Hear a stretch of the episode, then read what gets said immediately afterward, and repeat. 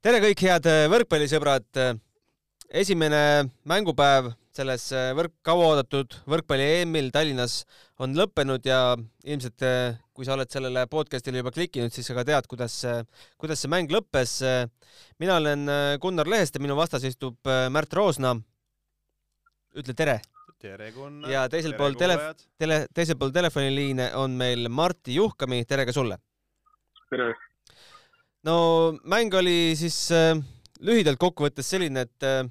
kolm geimi tasavägised aga kaldusid äh, Läti poole, pigem oli Läti see koerajalude, meie seal keti otsas äh, jooksime kaasa, aga, aga kolmas game päris ilus, äh, kuusteist punkti lasime vastasel vaid võtta, aga kokkuvõttes siiski kindel äh, üks-kolm kaotus ja midagi öelda pole, peame kuidagi analüüsima, miks siis nii läks. Martti, on sul äkki avasõnadena äh, midagi öelda selle olukorra kohta, kus me praegult oleme?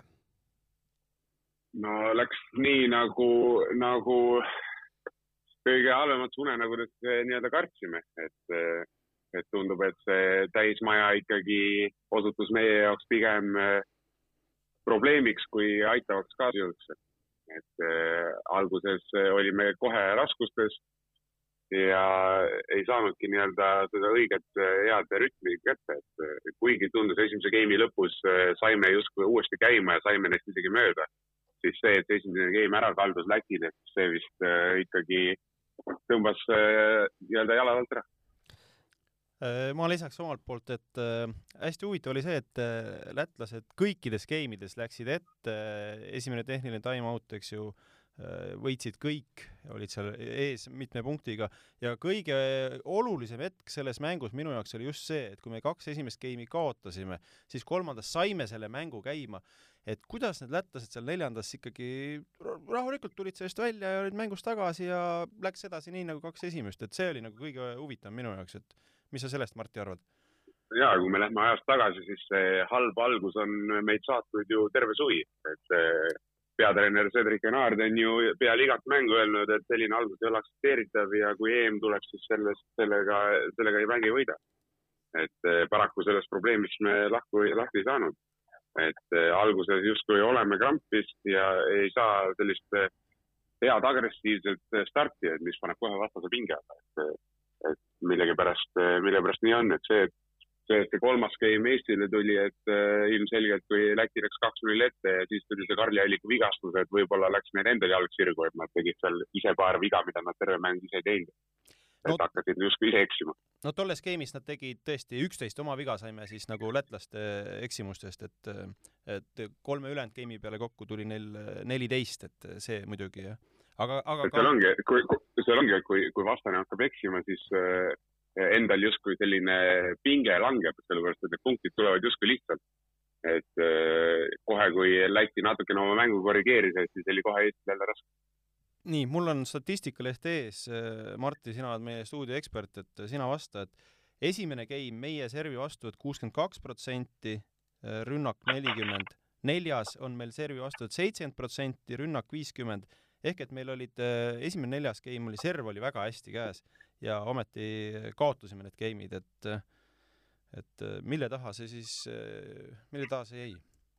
aga tegelikult kas mitte ka Hispaania vastu ei olnud meil probleeme just heast vastuvõtust rünnakuga.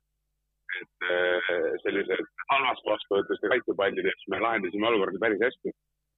kuigi jah, nüüd eile, eile pigem jäid need pallid mängu, tegime vigu. et aga sellisest heast olukorrast nii-öelda kindlate lihtsate punktide võtmine, eriti nelja pealt, eh, oli problemaatiline mm. -hmm ja noh, ma vaatasin eile õhtul selle esimese game'iga ja tegelikult sisuliselt kogu mänguga järele ja midagi, midagi pole teha, et ei taha kritiseerida sidemängijat või kedagi, aga no pidevalt oli see Läti kahene plokk oli ikkagi ees, et äh,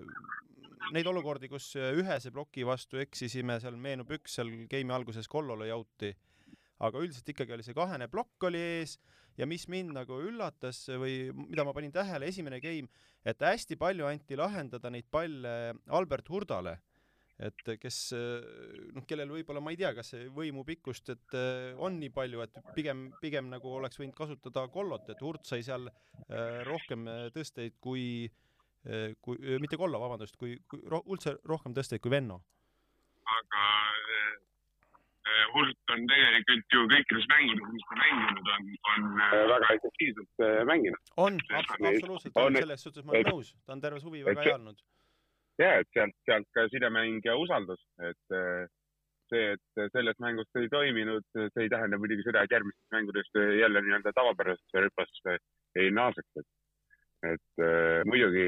kui vaadata seda, et, et Venno, ma arvan, mängis eile väga hästi, et äh, tagantjärgi tarkus muidugi on, et oleks võinud võib-olla eriti just mängu alguses võib-olla toppida Vennole rohkem, et saada nii-öelda mängu paremini käima ja siis äh, natukene rohkem avada siis sinna nelja poole, kus alguses oli näha, et on natuke rohkem ebakindlust kuigi jah, ma arvan, et võrkpalli loogika enam-vähem on ikkagi selline, et äh, raskeid palle nelja pealt on äh, lihtsam lahendada kui ühe pealt. No te esimeses saates rääkisite väga palju ka Aavo keele mõttemängudest ja need mõttemängud said ka mingis mõttes jätkuga peale mängu. Märt, tahad sa öelda, mis äh, off the record Aavo keel enne intervjuud sulle ütles või? ei, see ei olnud off the record, diktofon käis, kõik oli on the record. Aavo esimene küsimus oli siis intervjuutsoonis, et noh, kas panid raha lati peale või lõid põnnama ja no loomulikult ma ei pannud raha Läti peale, sest äh, kuigi, kuigi ma mõtlesin korduvalt selle stsenaariumi peale et.... sest sulle raha ei meeldi lihtsalt? Ei, ma kohe selgitan. mõtlesin korduvalt selle stsenaariumi peale, et me võtame Läti vastu,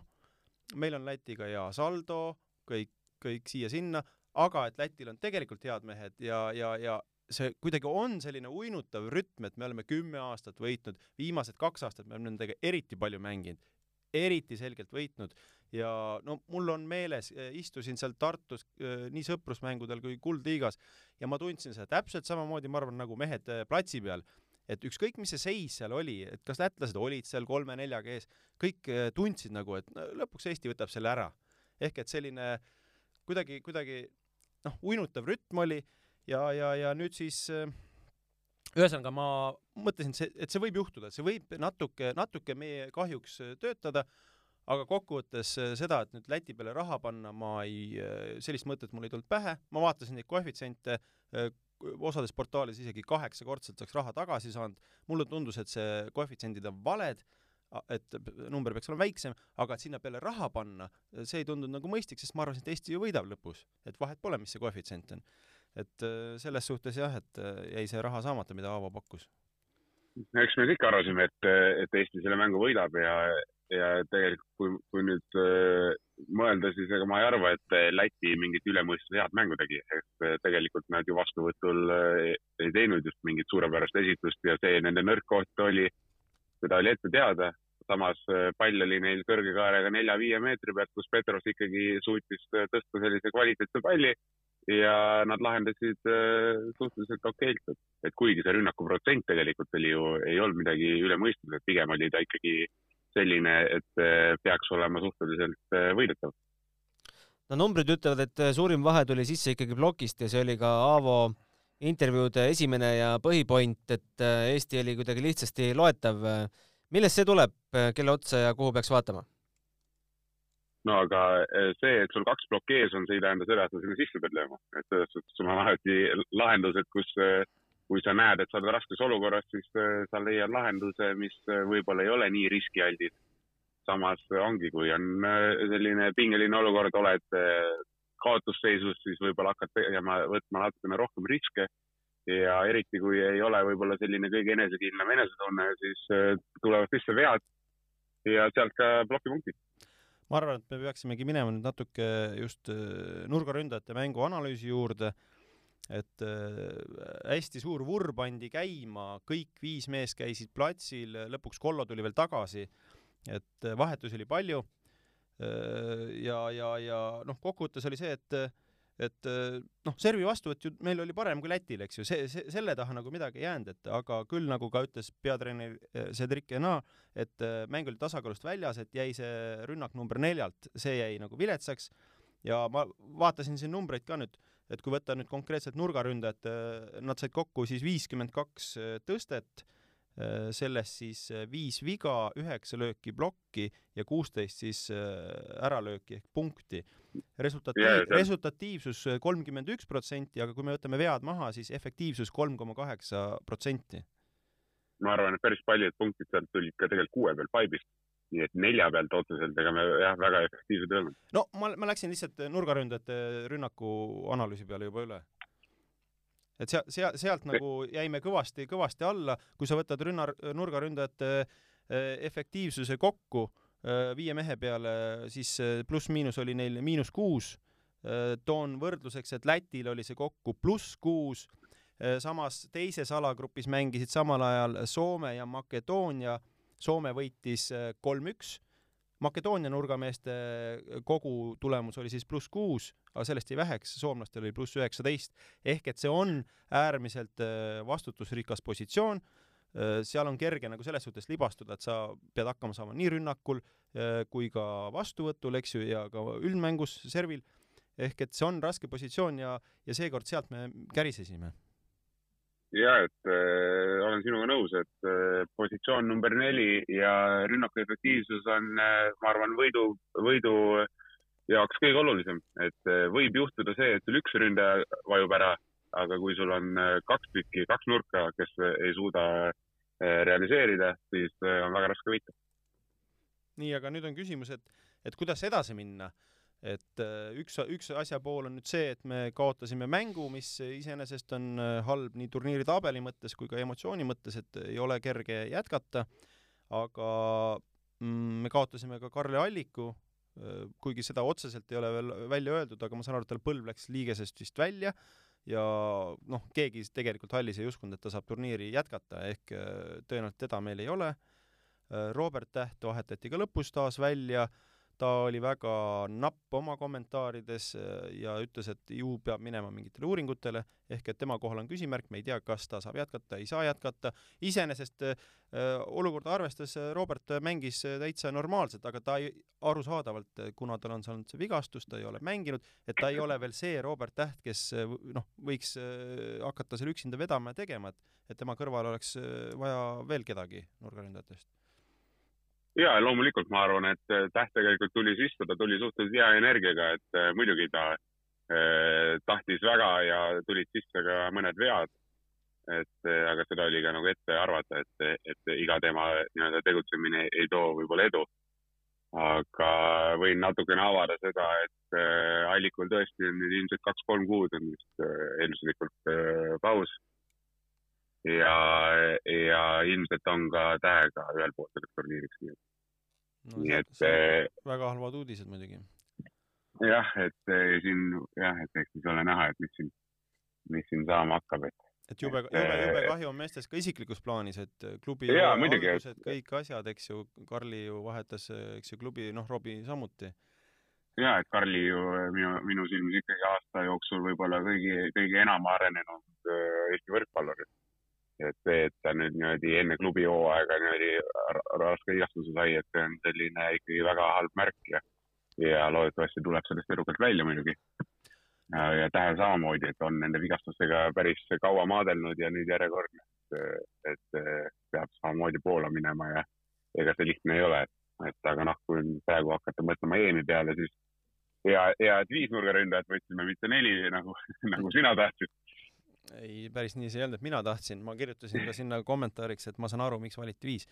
aga äh, olukord on nagu ta on, tõesti, Naard tundis, et meestel on probleemid ja võttis viis nurgaründajat, kui nüüd siis kaks tõesti naudis äh,, siis äh, kolm on alles.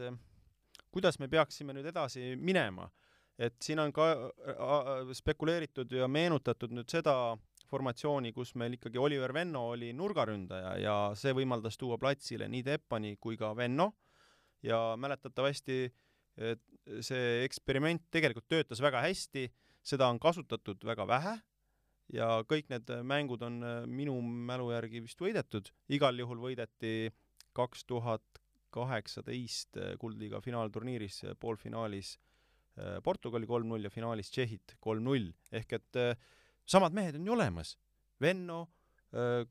finaalturniiril Kollo oli seal kõrval, okei okay,, kas seal platsil on Rikberg, noh, tundub, et praegu pigem Maar,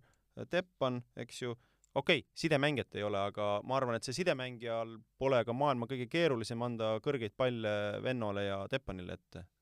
või mis sa sellest arvad, Martti? Selles suhtes ma saan aru sellest, et selline võimalus on olemas ja ma arvan, et seda ka arutatakse, aga samas on jälle see, et antud kuldliiga ajal, millal venna nurgas mängis, ta ikkagi treenis ka poolteist, kaks kuud nurgas. et täna ta pole seda teinud ja lihtsalt vette visata ja vaadata, kas ujub.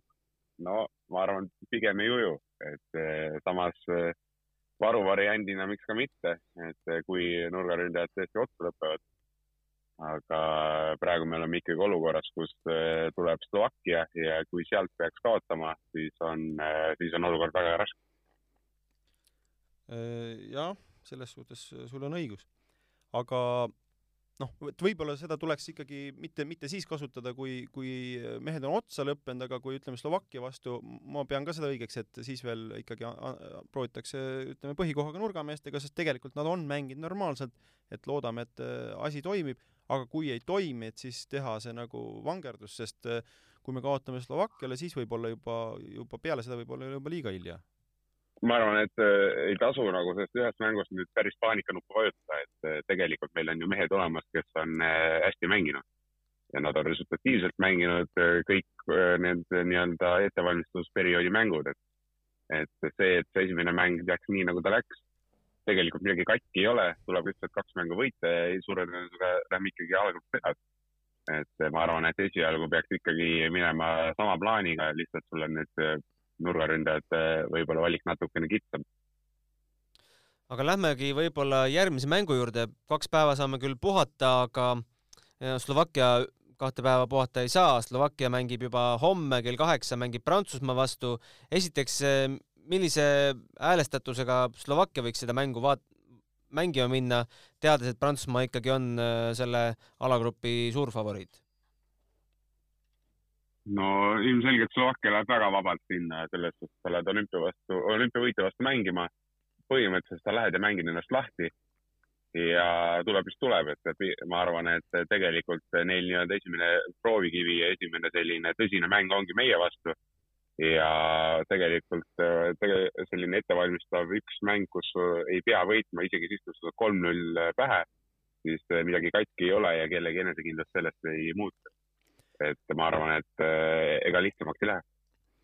et jaa, põhimõtteliselt ma Martiga selles suhtes nõus, et ikkagi üks mäng on alles peetud, et oleme optimistlikud ja ühtegi põhjust ei ole arvata, et me ei võiks nüüd võita Slovakkiat ja Horvaatiat. seoses Slovakkiaga mulle meenub seesama kaks tuhat kaheksateist aasta Kuldliiga, kus me olime sellises seisus, et alagrupist edasi saamiseks oli vaja viimases mängus seal omavahelises mängus kindlasti Slovakkiat võita kolm-null Äh, mäng peeti Rakveres ja see oli Eesti võrkpallikoondise üks ilusamaid mänge, minu arust seal rünnaku protsent oli seitsekümmend või isegi rohkem ja seal ei jäänud kivi kivi peale, võtsime selle kolm-null võidu, ei olnud mitte mingit küsimustki. ehk et äh, tasu, tasub olla optimistlik ja ja noh, vaatame, mis need treenerid välja mõtlevad, meie võime siin pakkuda igasuguseid asju, aga lõpuks otsused teevad ju nemad ja eks nad tunnetavad paremini seda olukorda. Ja, et ega see, ega see Läti mäng ka, ega seal kõik asjad nüüd halvasti ei olnud, et selles suhtes ma arvan, et tegelikult me tervisime päris, päris okeilt, et ei, no, eh, jah, eh,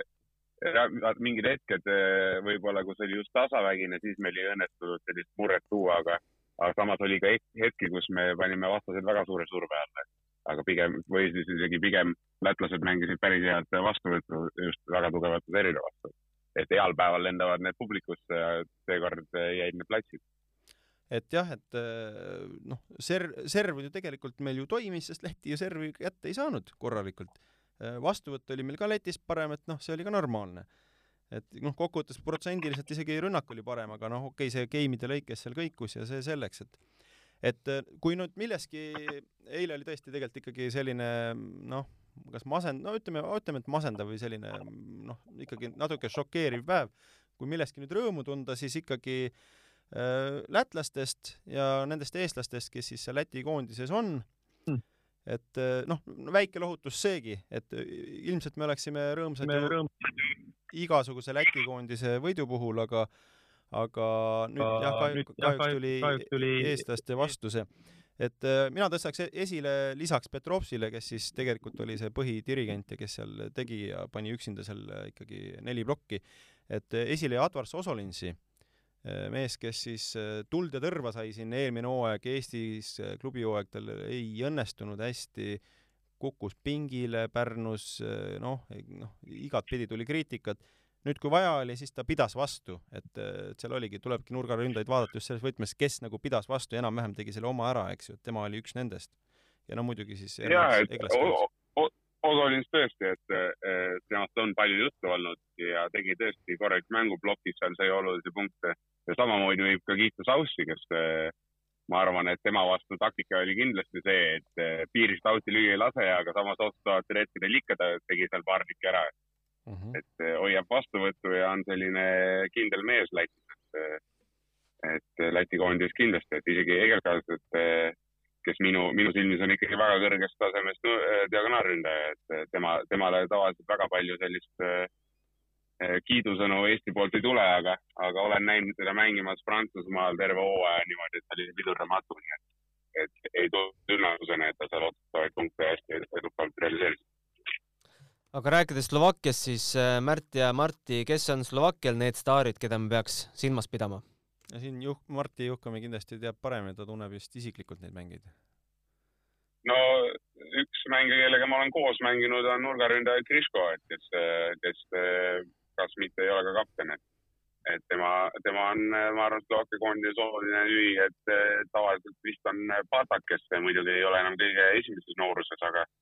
aga samas eh, on, on Slovakkia koondis olulises rollis varem olnud, et eh, kogemust nii päris palju, et ja samamoodi diagonaalründaja, ma arvan, on ikkagi sellised, sellised A ja O neil on, et eh, teised mehed võib-olla ei ole päris, päris, päris nii kõrgel tasemel, aga samas eelmine või kaks aastat tagasi Montenegro näitas, et kui sul on nurgad ja diagonaal, siis sellest võib piisata aga paberi peal äh, kahte meeskonda nüüd kõrvutades, kui meil on, äh, ütleme, tinglikult kaks meest vähem, äh, oleme me ikkagi veel favoriidid või pigem enam mitte?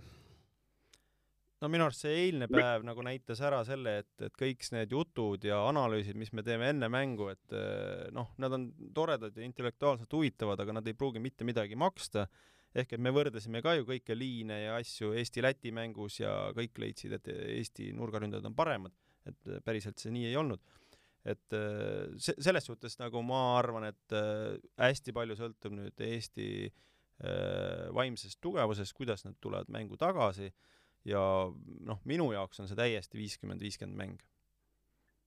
ja et selles mõttes ma olen sinuga nõus, et individuaalsed oskused selles mängus mängima ei hakka, et kõik on äh, selles, et kuidas suudetakse sellest Läti mängust eh, nii-öelda üle olla ja mitte selle peale nii-öelda nii palju mõelda, et eh, tuleb eh, fokusseerida ainult selle Slovakkia peale ja, ja selle, seda mängu agressiivselt ja hästi alustada, et see tõmbab kohe meestel pinge maha, publik tuleb taha ja, ja siis läheb juba kergemaks no mingi paralleeli me saame tõmmata siin äh, ka eelmise EM-finaalturniiriga, kus me samuti alustasime üks-kolm kaotusega, toona siis äh, tõsi, kaotasime Poolale see üks-kolm ja, ja asjaolud olid natuke teistsugused võib-olla. et äh, mind just huvitab, et, et mida nüüd tuleks õppida või teha või kuidas käituda, et, et see ja, lumepall ei hakkaks jälle sedasi veerema, nagu seal läks, et Martti, sina olid toona meeskonnas, et kuidas sa äh, kuidas sa nagu arvad või tunned, et äh, mida, mida saaks teisiti teha? ma arvan, et ega eelmise aasta, eelmise EM-iga võrreldes ei tasu mõelda selle esimese mängu peale, vaid just see teine mäng, et teine mäng, kus me, kus me saime nii-öelda peksta, kuigi plaan oli ikkagi selline, et see oli mäng, mida me oleks pidanud või võinud võita. ja selge see, et iga mänguga, iga punktiga, mis läheb nii-öelda vastasele, pinge ainult kasvab muidugi sa üritad seda maha suruda ja nii edasi, aga eks, eks ta jätab jälje meeskonnale, et see, kuidas siis meeskond, äh, kas meeskond jääb ühtseks ja saab üheskoos sellest äh, nii-öelda kännu tagant nii-öelda välja. et seda saab olema huvitav jälgida, et kaks tuhat üheksateist kahjuks me seda ei suutnud, loodetavasti seekord see õnnestub. ja võib-olla päeva lõpuks, kui me saame mängu käima ja, ja ikkagi tuleme sellest raskest olukorrast välja, siis selline alagrupist edasipääs maitseks veel magusamalt, et et... ei muidugi, et, et kui, kui me sellest alagrupist edasi läheme, siis seda esimest Läti mängu ei mäleta peale haavakeele keegi. et eh, ma arvan, et eh, kõik on endi käte, kätes ja usume omadesse edasi ja eh, laupäeval saalis kõik kohale aga teeks väikse kiidunurga ka, et see atmosfäär tegelikult, mis eile Saku Suurhallis oli kohapeal olles oli ikkagi võimas ja täiesti EM-finaalturniiri vääriline, olles kahel eelmisel EM-il käinud. kuidas see Marti telekas tundus? ja ei, telekas tundus väga võimas, et eh, kogu see eelshow ja, ja värk, et EVF on kindlasti väga palju vaeva näinud ja usun, et korralduslik pool oli väga edukas et ma mõtlesin ka just selle peale, et, et tõesti seal on inimesed, kes teevad neid pikkasid tunde ja asju ja, ja ta kukkus hästi kihvtilt välja, aga, aga need sport on ju selline, et et hästi palju on emotsioonides kinni ja kui tulemust ei tule, et siis noh, tundub, et nagu see töö kuidagi ei saa nagu sellist väärilist äh, tasu või hinnangut või et see, seda ei panda nagu enam nii palju tähele, et et äh, tegelikult tõesti, et äh, väga kihvt, et see asi toimub Eestis, publikut oli, loodame, et publik saab ka ennast paremini veel rohkem käima ja elab veel võimsamalt kaasa, täpselt nagu Eesti koondiski, et, et, et see tiitlivõistlus jääks ikkagi väga-väga hästi meelde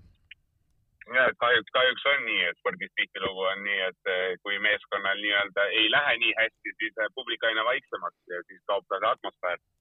aga loodetavasti eestlased leiavad endast selle kokkuhoidmise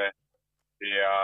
toetavad omasid siis, kui just läheb raskeks, et eh, ma arvan, et esimene või see järgmine mäng Slovakkia vastu on täpselt selline mäng, kus eh, on vaja iga, iga inimese nii-öelda poolehoidu ja hingetõmmet tunda, et, et see enda poole kallutada no mul isiklikult oli selline ärkamise hetk eile,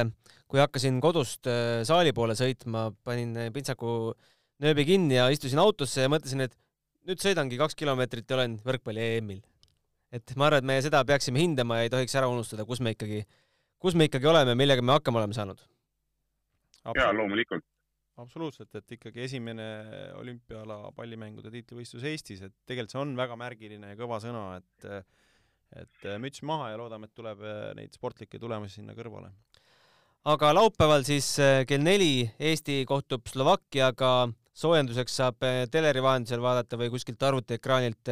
Hispaania, Soomet ja pärast